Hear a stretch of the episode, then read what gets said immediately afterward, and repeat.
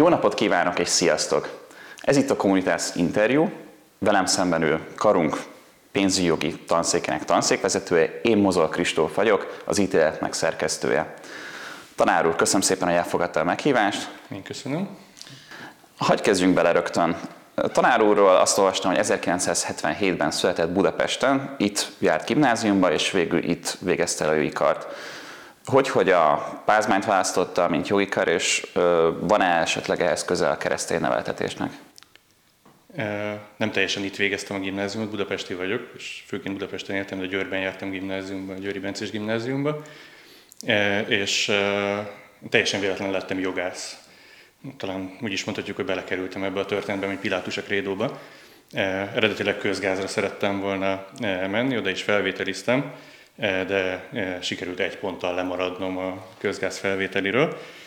És ugye 95-ben érettségiztem, amikor akkor indult a Pázmány jogi kar, akkor tájt a felvételi az egy picit más volt, mint, mint most, ráadásul ugye induló karként nem is a mondjuk úgy, hogy általános felvételi rendszerben történt a felvételi, hanem amikor az érettségi volt, akkor hirdették meg, hogy lehet jelentkezni, és tekintettel arra, hogy láttam, hogy a közgázról bár nagyon apró pontszámmal, de lemaradtam, ezért érdekelt ugye a téma kicsit hasonló a jog is. Gondoltam, hogy próbáljuk meg. Veszteni valóm nincsen rajta, tehát úgy tűnik, hogy nem lett rajta veszteni valóm az elmúlt évtizedekből fakadóan, tehát teljesen véletlen lettem jogász. Ugye a, a, az alaptéma, az, vagy az irányultság az megmaradt, tehát a gazdasági pénzügyek témája iránti érdeklődés, csak nem csak a közgazdasági oldala, hanem a jogi szabályozási oldala is.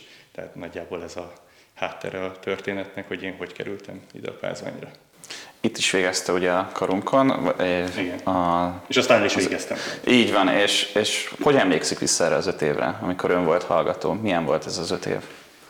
Egy nagyon jó időszaka volt az életemnek, én nagyon-nagyon e, szerettem, bár nyilván egészen más volt, hiszen egy indulókar esetében azért sok olyan e, dologgal kellett megküzdenünk, ami, e, ami mondjuk egy bejáratott kar esetében azért már egyáltalán nem merül fel, legyen ez akár az elhelyezés, akár a karnak a költözése. Ugye a Ménesi útról ide a Szentkirály utcába ennek az épületegyüttesnek a kialakítása, Ugye biztos eh, sok kollégám elmondta már, hogy ugye mi annak idején ott a lenti oszlopcsarnokban volt az előadónk, és szerintem most eh, elég nehéz elképzelni, hogy ott, ott hogy lehetett előadást tartani. Volt egy diszkrét bája a dolognak, és, és eléggé családias volt ott a hangulat. Aztán, ha felsőbb évesek voltunk, akkor már a most ismert előadókat is birtokba vehettük. Az évfolyamunk meg bár egy ilyen Sokszor azt szoktuk magunkban mondani, hogy egy kontraszelektált évfolyam volt, hiszen nem csak én voltam az egyetlen, aki ebben eredetileg fel sem merült az, hogy jogász legyen, hanem a többségünk ilyen volt. Volt, aki az orvosi kart cserélte le a jogra, volt, aki egyéb terveket, de annak ellenére azt gondolom, hogy nagyon jó, nagyon kiváló évfolyamot sikerült a szélnek összefújnia ilyen szempontból, és és továbbra is most is tartjuk egymással a, a kapcsolatot. Élő kapcsolat van az évfolyamtársak jelentős része között. Úgyhogy nagyjából ez, ami úgy meghatározta az életünket. Mi nagyon sokat bejártunk az egyetemre, tegyük gyorsan hozzá. Néha egy kicsit az az érzésem, mint hogyha most különösen felsőbb évfolyamoknál ez ez úgy kevésbé lenne fontos, mert mindenki lovol a gyakorlat, a, az ügyvédi iroda, a nem tudom éppen hol történő tapasztalatszerzés iránt, ez akkor még nem volt ennyire divat, vagy, vagy ennyire nagy nyomás nem volt rajtunk, és, és sokkal több időt töltöttünk itt benne az egyetemen. Amikor a más oktatókat kérdezem, akik szintén abban az évfolyamban voltak, ők mindig legendásan számoltak be az oktatóról, oktatókról, és esetleg megkérdeztem, hogy volt -e ilyen ön számára ilyen oktató, vagy ilyen mentorféle tanár, aki miatt végül a tanári részét is megfogta ennek a jogterületnek? Hát nyilván ezt meg tudom erősíteni, hogy ez így volt. Tehát nekem nagy kedvencem volt Lábadi Tanás tanár úr, aki felsőbb éves korunkban, harmad, negyed, ötöd éves korunkban az Alkotmánybíróságon tartott, hát nevezzük TDK ülésnek, bár leginkább ő beszélt, és mi pedig áhítattal hallgattuk. De azt gondolom, hogy a, a az ő előadásai, ugye polgári jogi előadásai mellett ezek a találkozások is jelentősen meghatározták mindazt a tudást, amit sikerült magamba szívni tőle a polgári jogból. Ezt ugye furcsa talán, hogy pénzügyi jogászként mondom, de ugye a pénzügyi jog az, az egy olyan ideális témakör, amiben majd, hogy nem minden főcsapás irány benne van a közjog és a magánjog területéről egyaránt.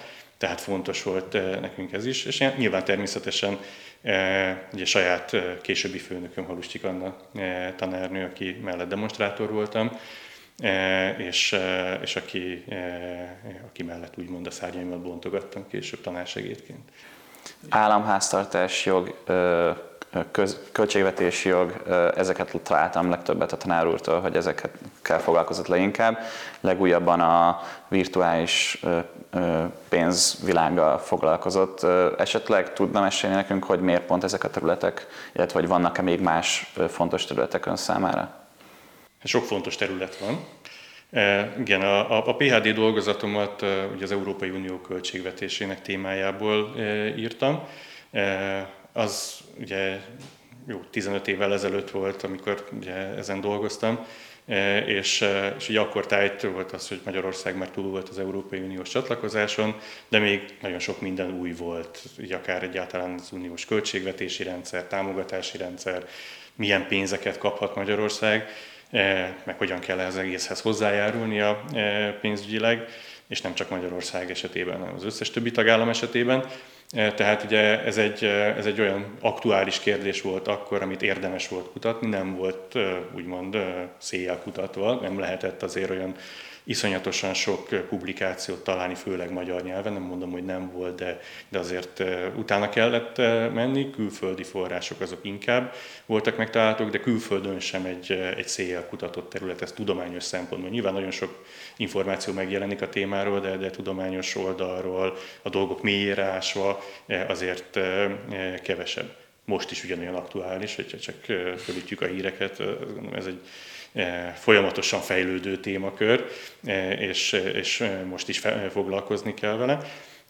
És ugye emellett nyilván megjelennek újabb és újabb témák. Ugye az egyik ilyen nekem, ami, amiben egy kicsit elmélyedtem, ugye ezek a virtuális vagy kriptoeszközök témaköre, amely ugye alig több mint egy évtizedes múltra tekint vissza, a gyakorlati oldalon, ugyanakkor egy robbanásszerű fejlődés van mögötte.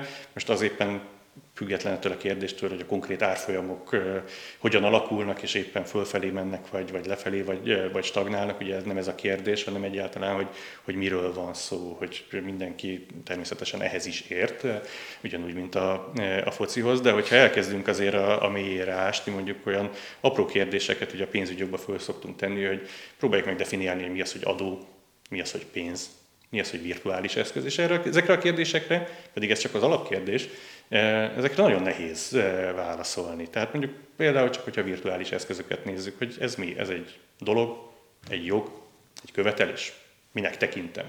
És, eh, és hogyha megpróbálnám szabályozni, ha én lennék a jogalkotó, akkor, akkor melyik mellett tenném le a virtuális garast?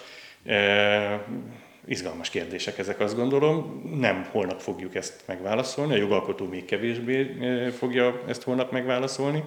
Viszont nekünk, akik így az egyetemen, meg egyetemen kívül ezt a témát kutatjuk, meg kell próbálni válaszokat adni, amiből aztán a jogalkotó leszűrheti azokat a gondolatokat, amit utána valamilyen törvényi formában ölt, itthon és külföldön egyaránt. Én sokat hallottam is a kriptovalutákról, és tényleg nagyon, nagyon sokan használják még a, az én köreimben is, hogy mondják, hogy elmennek májnolni, vagy bányásszák ezeket a kriptovalutákat. Távol esetleg meg tudná nekünk mondani nagyjából mi ez azoknak, esetleg azoknak a nézőknek, akik nem tudják, esetleg most róla először? Most egy mondatba foglaljam össze? Ahogy a Mert úgy elég nehéz. E, ugye ez egy újfajta, e, én pénzügyi eszköznek szoktam nevezni, hiszen e, bár nem a, a szó törvényi értelemében tartozik a pénzügyi eszközök körébe, mert ahhoz még jogalkotás kéne, de mégis gyakorlatilag ahol van nagyjából a gondolatvilágában az embereknek egy helyen, ahol megjelenik a pénz, az értékpapírok, a, az egyéb pénzügyi eszközök speciális formái, sokan használják befektetési célokra is, Noha a szabályozottsága az még, még hiányzik erősen a világ legtöbb országában, és ahol van ott is viszonylag új és még alakulóban van. Ugye gyakorlatilag arról van szó, hogy ugye a technológia az, az lehetővé tette azt, hogy létrejöjjenek nevezzük magánpénznek, szemben ugye az állami jegybankok által kibocsátott pénzekkel, bár ez nem csak pénz, hanem szándékosan pénzügyi eszközt, vagy, vagy, vagy, vagy, vagy virtuális eszközt mondok, hiszen ugye van, ami hasonlít a pénzre, van, ami hasonlít inkább az értékpapírokra, mindenre egy kicsi, vagy sok mindenre hasonlítanak ezek az eszközök, egy új technológia mögött, viszont viszont még nincsen egyértelműen definiálva, hogy mi ez alakulóban van, még akkor is, hogyha már nagyon sokan használják. Nyilván emiatt nagyon sok kockázat van ezeknek a használatában, hiszen közel nincs olyan védelmi szintje ezeknek, mint bármilyen más megtakarításnak, bármilyen más befektetésnek. Amire valaki azt mondja, hogy ez egy jó dolog, van, aki meg azt mondja, hogy ez azért komoly kockázatokat rejt magában, és, és ugye gyakorlatilag jogászi oldalról a feladatunk az, hogy, hogy ha már ebben foglalkozunk, akkor azon gondolkozzunk, hogy, hogy kell-e, lehet-e, ha lehet, hogyan lehet ezeket szabályozni, úgyhogy mindenkinek jó legyen, vagy a legtöbb felhasználónak és érintetnek jó legyen. Lehet-e olyat oktatni, amit még igazából a jogalkotó nem is foglalkozott vele? Tehát tanár úr esetleg gondolkozik azon, hogy a kriptovalutákra esetleg tart majd egyszer egy előadást, vagy majd a tanóra keretében, vagy úgy gondolja, hogy ez csak még a jövő szene? Nem csak gondolkodom rajta, hanem ez így is van már, nem is csak idén óta, hanem, hanem néhány éve már akkor, amikor a banki és tőkepiaci témakört elővesszük, akkor ugye avval kezdem ezeket az előadásokat, hogy azt próbálom körüljárni, hogy mi a pénz. Egyáltalán a pénz jogi fogalma, meg a pénz szerepe a, a jogi szabályrendszerben. És ezzel összefüggésben nem hagyom ki, hogy, hogy beszéljek erről a témakörről. Nyilván egy olyan kontextusban, hogy ez még nem egy törvényi szabályrendszer, hanem vannak különböző teóriák, vannak különböző elgondolások, vannak különböző külföldi megoldási kísérletek, szabályozási megoldási kísérletek, hogy, hogy miről van itt szó, meg, meg hogyan kéne szabályozni. Ugye Európai Uniós vonatkozásai is vannak a, a dolognak, Eh, ez nyilván ez egy olyan téma, ami évről évre változik, tehát nem tudom elővenni a tavalyi szlájdjaimat egy az egybe, hogy akkor ugyanazt mondjam el, de ezt én nem is bánom, tehát ez, ez, ez, ez a jó benne, hogy, hogy nem mantrázni kell ugyanazt a témakört, hanem, hanem hozzá tudom tenni minden évben azt, hogy, hogy, hogy mi az, ami, ami újdonság benne, mi az, ami, eh, ami jó benne, eh, mármint olyan értelemben, hogy kutatási szempontból jó benne, meg, meg, meg, meg, meg, meg plusz benne, és, és ez évről évre alakul a történet, aztán majd kialakul. De nyilván nem csak ez az egy része van, tehát ugye nyilván, ahogy az adójog is változik, nyilván nem olyan intenzitással, mint ez a témakör, vagy akár a bankjogi szabályozás. Ugye erről is attól még, hogy, hogy nincsen konkrét jogszabály rá, még átfogóan, attól még lehet róla beszélni, és azt gondolom kell is róla beszélni. Emlékszem, hogy még régen, most is ez a rendszer, hogy lehetett pluszpontokat gyűjteni az előadáson is, és volt egyszer egy konferencia lehetőség, ahol pont erről volt szó. És most nekem online volt az egész, a pénzügyi jog, mind az egy, mind a kettő. Azt szeretném megkérdezni tanár úrtól, hogy az online oktatásra egy kicsit így visszaugorva az időben, igazából csak egy évet, hogyan tekint vissza arra az időre? Volt, mi volt, ami negatívum volt, és esetleg van, ami pozitív dolog, hozadék lett belőle? Nekem ilyen is-is válaszom van. Nyilván ami negatív, az, azt valószínűleg mindenki elmondta, hogy szörnyű egy fekete képernyőnek beszélni.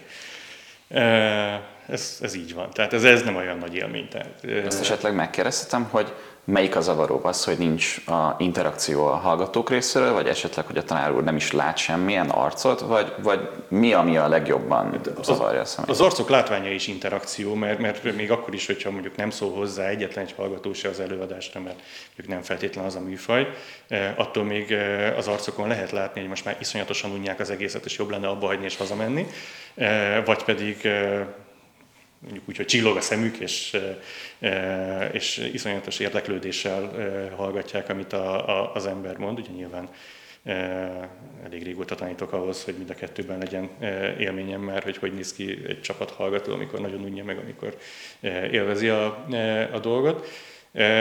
Tehát ugye ez is interakció, és ez is hiányzik, hogy, hogy én darálom, darálom, darálom, darálom, köszönöm szépen viszontlátásra, esetleg próbálok belekérdezni, hogy érthető volt-e, követhető volt-e, van-e kérdés, néha van, néha általában nincs. Ezzel szemben van egy, vagy volt egy, nekem egy nagyon pozitív élményem ebből a szempontból, hogy ugye nagyjából nappal is előadást, hogyha nézzük, átlagosan van 250 hallgató, aki fölvette a, a tárgyat, volt amikor 230 van, amikor 280, de az átlagos 250 az megvan. És és mielőtt kezdődött ez az egész lezárásos történet, akkor, akkor nagyjából ott tartottunk, hogy sokszor jobb, és 30 emberben volt ebből az előadóba, akkor, akkor már örültünk. Ehhez képest az online előadásokat szinte konstansan 180 és 200 közötti hallgató hallgatta, aminek nem tudom pontosan, hogy mi lehetett azok, miért vagyok jobb akkor, hogyha nem látszom, vagy tehát én mondjuk látszom, de, de nem személyesen vagyok ott, mint hogyha személyesen be kell jönni, bár kétségtelen, hogy otthon kávé mellett betakarózva, vagy esetleg akár valamilyen más tevékenység mellett hallgatva háttérzajként is jók lehetünk. De, de azért bízom magamba, magunkba, összes oktató nevében talán mondom, hogy, hogy, hogy talán odafigyelt a többség arra. Nem csak per helyet kapcsolódott ugye nyilván nem tartottunk úgymond katalógust, meg nem jegyzeteltem ki, hogy ki volt ott, meg ki nem volt ott. Tehát ilyen szempontból teljesen lényegtelen volt, hogy kapcsolódik-e vagy sem. De ennek ellenére sokkal több volt, és most azt látom, ebben a fél évben még egyenlőre, hogy ha nem is a 180 környéki, de azért a 100 fölötti eh, létszám az még most is megvan, ami sokkal jobb a mondjuk két vagy három évvel ezelőtti eh, jelenléthez képest. Remélem így is marad. Hát én is remélem, mert, mert nekem tetszettek az órák, én az összesen részt vettem. Nálunk volt ez évfolyamon egy olyan plecska, hogy hát a tanár úr a a Józsarú, a Békés Balázs tanárú, meg a Rozsarú, és mindenki féltette, hogy az előadást éppen a Békés Balázs tanárú fogja tartani, mert ő nagyon beleszokott kérdezni a hallgatóságba. Lehet, hogy ez is közrejátszhatott, hogy voltak kérdések, illetve a végén a, a redmentás dolgozatot csak úgy lehetett kitölteni, de az is benne lehet, hogy szerintem sokkal kényelmesebb volt így a hallgatóknak hallgatni. Nem osztottuk fel egymás között ezt, ezt a szerepet, ezt, ezt utólag, meg, ne, ezt nem hallottam, de utólag meg tudom erősíteni, nem volt ilyen feladatmegosztás közöttünk. A, a feladatoknak egyértelműen, azt nem titkoltam soha, volt egy olyan célja, hogy próbáljuk meg a hallgatókat motiválni arra, hogy jöjjenek be, az előadás végén az előadáshoz kapcsolódóan tettük fel a kérdéseket, és aki ott tudott válaszolni, az, az valamilyen fajta előnyben tudott részesülni a vizsgán. Ebben semmi titok nincsen. Ez, ez azt gondolom, hogy bár külön nem reklámoztam így, de ez napnál is világosabb, aki megnézi a, a, a szabályokat. Nyilván én nem vagyok annak híve, hogy eh, most eh, úgy tartsunk előadást, hogy katalógust tartunk, elvileg lehetne, de én ezt, ezt a fajta megoldást nem szeretem. Szeretem inkább, hogyha ha tudom úgy motiválni a hallgatókat, hogy, hogy bejönnek az előadásra, az, az, az sokkal nagyobb sikerélménynek tartom, mint hogyha csak simán egy katalógus miatt jönnek be. Talán úr inkább az előadásokat szereti jobban tartani, vagy gyakorlatot vezetni? Mind a kettőnek megvannak a, a pozitívumai. A gyakorlat esetén ugye a, a negatívum az ott jelentkezhet, hogyha mondjuk valakinek sok gyakorlata volt. Tehát volt olyan időszak az életemben, amikor hat vagy több gyakorlati csoportot kellett elmondani. Vagy megtartani a gyakorlatot ezeknek a csoportoknak, hát én nem titkolom azt, hogy az, az egy rendkívül unalmas és, és favágó történet. Hatszor ugyanazt elmondani, és ha az ember mondjuk a valami vicces dolgot, vagy, vagy ilyesmit akar belevinni, akkor már hatodszor már a saját viccét is unja. Tehát, e, e, tehát ez ilyen szempontból nem egy nagy élmény. Az előadás az nyilván az egyszer van, tehát ugye az egyszeri dolog. A gyakorlatokon viszont ugye bele lehet menni mondjuk gyakorlati kérdésekbe, vagy részletkérdésekbe, ami adott esetben lehet, hogy az előadásba nem fér bele. Ugye a pénzügyjognál egyre inkább azt tapasztaljuk, hogy maga a, a téma vonatkozó joganyag, az annyira bővül, hogy esélyünk sem lesz arra, már most nincsen, de időről időre egyre kevésbé esélyünk, hogy mindent elmondjunk eh, az előadásra. Nyilván ezt nem tudjuk kiegészíteni gyakorlaton sem. Tehát valószínűleg abba az irányba kell majd elmozdulnunk, hogy lesz egy csomó olyan része a tananyagnak, nyilván nem a többsége, de egy csomó olyan része, amit csak írásbeli formában tudunk odaadni a hallgatóknak, ugyanakkor fontosnak tart, hogy, hogy, hogy olvassanak utána és olvassanak bele, de egyszerűen nem fér bele a, a, a szóbeli fellépésekbe, legyen az akár gyakorlat, akár, akár előadás. Tehát ugye ezt kell évről évre, időről időre folyamatosan mérlegelnünk, hogy, hogy miről tartjuk az előadást, mi az, amit beleveszünk az előadásba, mi az, amit beleveszünk a gyakorlatba, és és egyáltalán mi az, amit el tudunk mondani ebből a horribilis mennyiségű anyagból. Talán esetleg tud arra a kérdésre válaszolni, hogy mi a pénzügyi jog oktatásának célja, illetve hogy van-e olyan dolog, vagy van-e olyan mód, amit szívesen változtatna a jelenlegi oktatási formán? Igen, mind a kettőre természetesen tudok válaszolni. Az első kérdésre, ezt sokan, sokszor fölteszik, kevésbé udvarias formában van olyan hallgató, aki megkérdezi, ezt a hülyeséget miért kell tanulnunk, jogászként, majd a könyvelő megoldja, című történet. Én azt gondolom, hogy ha valaki kilép a, jogi egyetemről, akkor szembe találja magát egy olyan óriási információ igényel és tudás mennyiséggel szemben támasztott igényel, aminek egyszerűen fizikailag nem lehet megfelelni, vagy az emberek többsége valószínűleg nem tud. Nem is biztos, hogy meg kell felelni mindenkinek mindenbe. A, hogyha a pénzügyjogot nézzük, meg egyáltalán az egész jogi oktatást, akkor ugye itt az egyetemen azt látjuk, hogy elkezdünk tanulni, most nyilván az alapozó tárgyak után, magánjogot, közigazgatás, alkotmányjogot, büntetőjogot, ki ebbe szeret bele, ki abba szeret bele. Aztán ugye felsőbb évfolyamokon jönnek különböző e, e, szakosított témák, köztük a pénzügyi jog, a környezetvédelmi jog, versenyjog és társaik, eh, amik, eh, amik úgy tűnnek, mintha ezek nagyon-nagyon távol lenne a, eh, a, a jogászi feladatoktól, és akkor, amikor a hallgató kilép az egyetemről, akkor avval kell szembesülnie, hogy igen, meg kell tudni írni mondjuk egy ingatlanadásvételi szerződést, meg kell tudni értelmezni egy közigazgatási határozatot, vagy éppen megszerkeszteni, hogyha az asztal másik oldalán ül azért érintett. De ez körülbelül olyan, mintha általános iskolában megtanulunk írni, olvasni és számolni. És utána az összes többi erre, ezekre ráépülő témakör, akár a pénzügyok területén nézzük, akár a bankjogot, akár az adójogot, ez, ez, ez mind följön. Tehát egy ügyvédként nem mondhatom azt egy ügyfélnek, amikor e, mondjuk bejön egy, egy egyszerű ingatlan adásvételi szerződést e, írni, aki mindegyikünkkel előfordul, hogy, és megkérdezi az ügyfél, hogy jó, jó ügyvéd úr, nagyon szép szerződést írt, köszönjük szépen, mennyit kell ezután adóznom?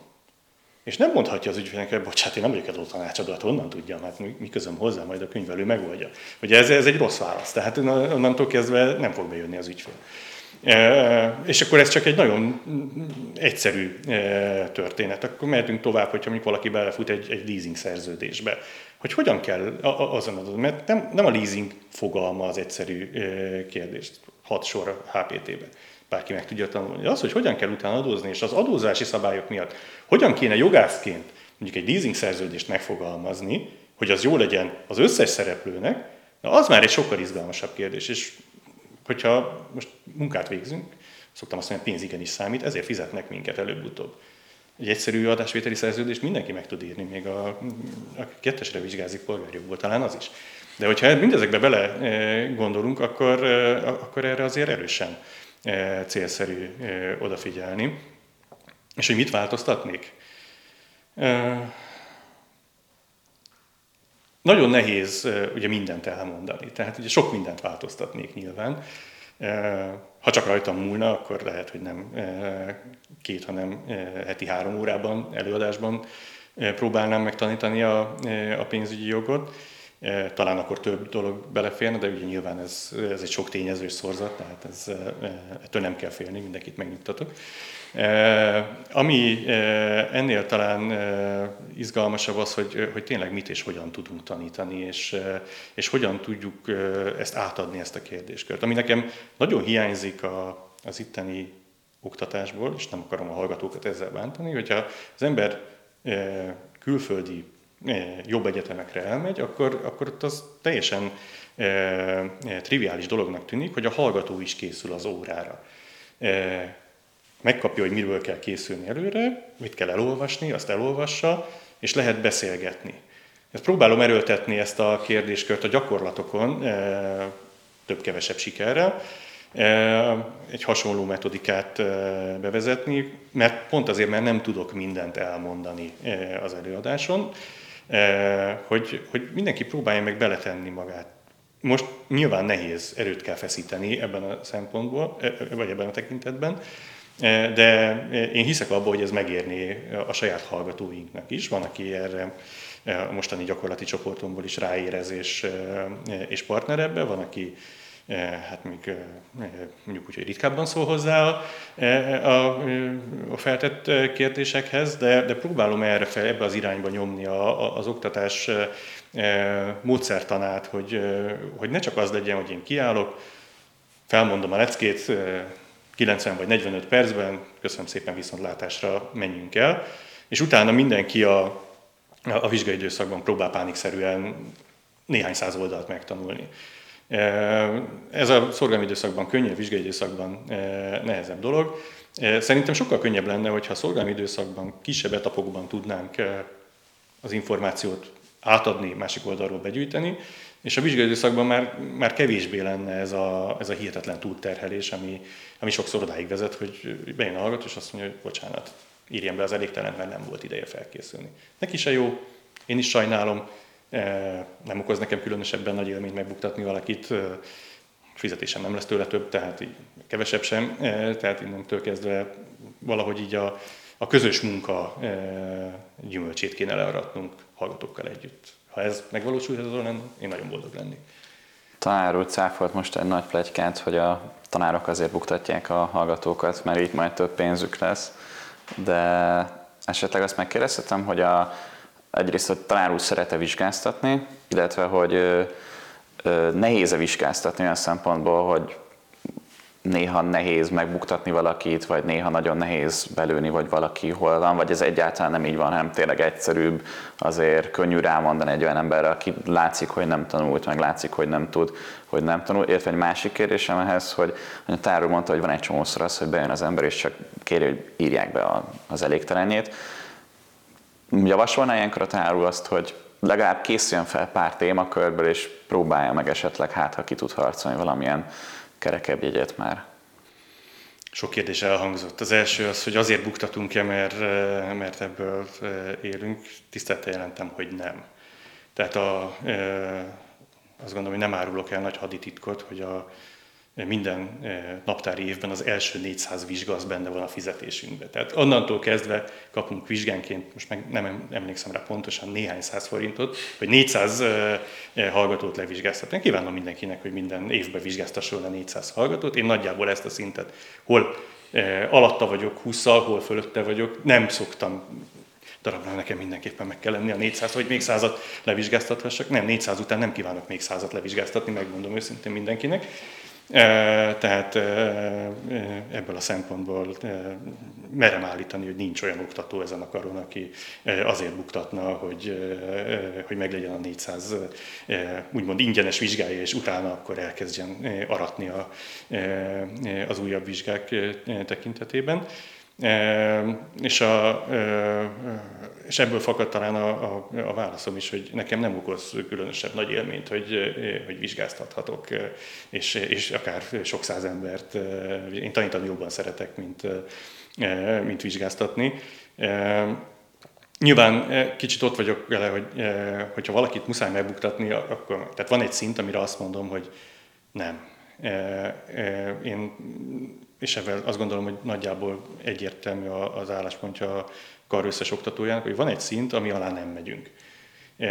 Mert, mert a végén az illető fog kapni egy diplomát, arra az volt lesz írva, hogy Pázmány Péter Katolikus Egyetem Jog és Államtudományi Kar, és ez a diploma meg lesz mérve a munkaerőpiacon. És, és minket, mint egyetemet, mint kart, az mér, hogy a munkaerőpiac, az is mér, sok minden mér, de az is mér sok szempontból, hogy a munkaerőpiac, a munkáltatók hogyan vélekednek arról a diplomáról, amit mi adunk ki. Nyilván lehet úgy is diplomát adni, hogy mindenki nulla tudásra megkapja, van papírja, úgymond, tehát formálisan kipipálta, a, a, amit ki kell pipálni. Az, hogy utána ténylegesen hogyan vélekednek a munkáltatók arról, hogy most van akár jogász, akár nem jogászról van szó, A egyetemről és B egyetemről jövő, és azt mondja, hogy hát az A egyetem, igen, azok tudnak, aki még a B egyetemről jön, az, az megköszönjük, azzal nincsen olyan jó tapasztalatunk. És, és azt gondolom, hogy minden oktató itt ezen a karon azon van, hogy aki pázmányos diplomát kap, az egy értéket kapjon a kezébe. Ez az értékhez erőt kell feszíteni. Nekik is, majd a hallgatóknak is, meg nekünk is. Tehát nekünk meg kell tudni úgy oldani az oktatási feladatainkat, hogy átadjuk azt az információt, azt a tudást, ami szükséges a hallgatói oldalról ahhoz, hogy el tudja sajátítani, a, amit el kell sajátítani. Ez ugye nyilván évről évre egyre rosszabb, hiszen jog egyre jobban fejlődik, tehát egyre többet kell úgymond elsajátítani. De, de ez, ez sajnos a, a dologhoz hozzátartozik. Viszont a végén én azt gondolom, hogy, hogy beérik ennek a munkának a gyümölcse. Tehát én, én még nem hallottam olyat, hogy valaki a pázmányos jogi diplomára azt mondta volna, hogy ez, ezt köszönöm, ezt nem kérem hanem, hanem ez egy eléggé jól hangzó diploma, és, és ez azt jelenti, hogy azok a hallgatók, akik itt végeznek, valamilyen fajta talán versenyelőnybe kerülnek a, a többi jogi kar hallgatóival szemben, amikor munkát keresnek. Szerintem ez mindenkinek fontos, hallgatói oldalról is legalább annyira fontos, mint, mint egyetemi oktatói oldalról. Ugye az egyetem és a tanár úrnak a munkáról nem csak a munkaerőpiacról kapunk véleményt, hanem hallgatók is szoktak véleményezni, de inkább a, egy bizonyos webhelyen. Itt gyakran le szokták olvasgatni a hallgatók, mielőtt felveszik a vizsgát, hogy, vagy a miután már felvették a vizsgát, és kiderült, hogy ki a vizsgáztató. Tanárulról is megnéztem a, ezen a platformon, hogy miket írnak. A többsége egyébként teljesen pozitív. Az egyik kedvenc kommentem az az volt, hogy tanár úr, ha látja, hogy valaki tud, tud valamit, akkor már nem kínozza. Van is ilyen funkció, hogy bejelölik, hogy ki a helyes tanár úr, ki a, ki a nem helyes, és van, aki gyakran jelöli a tanár úrt helyesnek. Igen. Viszont vannak olyanok is, amikor hát eléggé negatív hangvételű üzenetek, kommentek születnek. Tanárok szokták nézni, vagy szokták érdekelni az ilyen fajta kommentek, vagy ez csak ilyen jópofa hallgatói én azt gondolom, hogy fontos a visszajelzés. Ugye nyilván van ennek egy hivatalos formája is, ugye az oktatói munka hallgatói véleményezése című fél éven előjövő feladata a hallgatóknak, hogy valamilyen fajta visszajelzést kapjunk. Én ebben a hivatalos verzióban általában pozitív megjegyzéseket látok. Nyilván ezt az említett webhelyet is ismerem, láttam. Én erre inkább azt mondanám, hogy, hogy fontos lenne, a val- nem csak fontos lenne, fontos is a valós visszajelzés. Tehát én nyilván nekem fontos az, hogy itt tanítok, fontos az magam számára, hogy, hogy amit csinálok, azt, azt jól csináljam, annak legyen értelme és haszna nem csak magam számára, hanem ugye hallgatói oldalról is elsősorban, hiszen ugye erről szól a történet.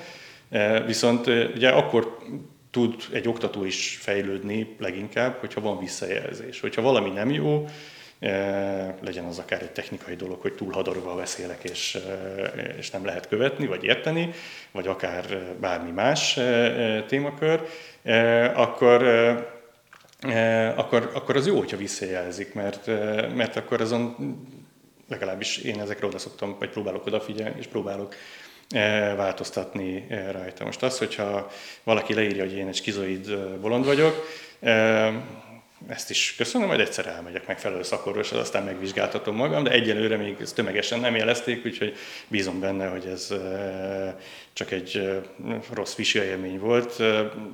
Előfordul velem is, hogy lehet, hogy nem sikerült valakit úgy értékelnem, ahogy azt ő gondolta. Most nemrég számolgattam, hogy valahol 7 és 10 ezer vizsga van mögöttem, így mióta tanítok az abba belefér az is, hogy az ember valakit fölülértékel, meg az is, hogy, hogy, hogy alulértékel. Ugye vizsgáztam is elég sokat, mondjuk nem ennyit, hála Istennek, tehát ismerem az asztal mind a két oldalát. Nekem meggyőződésem, hogy minden vizsga az 50%-ban tudás, 50%-ban meg szerencse. E, nyilván fel kell rá készülni, de, de még akkor is, hogyha valaki tökéletesen felkészült, lehet egy, egy hirtelen áramszünet, a fejébe lehet egy rossz napja, egy fejfájása, lehet az oktatói oldalról, ez is emberek vagyunk, és, és a legjobban felkészült hallgató is adott esetben megbotolhat egy vizsgán. Ez, ez sajnos benne van. Ez, ez a legjobb szándékkal se tudjuk kizárni. Ahogy említettem, én nem törekszem arra, hogy, hogy mindenkiből a, kiszedjem azt, hogy, hogy mit nem tud, mert, mert nem az a cél próbálom kiszedni azt, hogy, hogy, hogy, mi, az, hogy mi az, amit tud. Nyilván ez nem azt jelenti, hogy ha már egy tételt el tud mondani az ötvenből, akkor az már ötös, tehát, tehát próbálok objektív lenni, remélem, hogy sikerült. Tehát ez... Távolhoz már csak egy kérdésem van. Jó ideje van már itt a Pázmány Péter Katolikus Egyetemen. Melyik az az emlék, melyik az a történet, amit a legszívesebben megosztana most velünk? Legyen ez felemelő, vicces, humoros, vagy csak szimplán az egyik legkedvesebb élménye? Hú, hát ezen soha nem gondoltam, hogy mik a legkedvesebb élményeim ilyen e, szempontból. E, én úgy általában szeretek itt lenni. Tehát én sokáig dolgoztam párhuzamosan az egyetemi oktatás mellett, aztán mióta tanszékvezető lettem lassan öt évvel ezelőtt, azóta csak a, az egyetem úgymond a, a munkahelyem de, de én, nekem nincs olyan, olyan konkrét élmény, hogy most ezt mindenképpen kiemelném, inkább az, hogy, hogy jó itt. Jó volt itt diáknak lenni, és jó oktatónak is lenni, és remélem, hogy ez, ez így marad még hosszú ideig. Én szeretnék még hosszú ideig itt, itt lenni, itt tanítani, és, és itt kutatni, és, és, és itt végezni a munkámat. Tanár úr, nagyon szépen köszönöm az interjút, köszönöm a nézőket, hogy végignézték az adásunkat, kérem, hogy kövessék be az oldalunkat, és kövessék a pázmányt hasonló tartalmakért. Sziasztok és viszontlátásra! Köszönöm szépen én is a lehetőséget!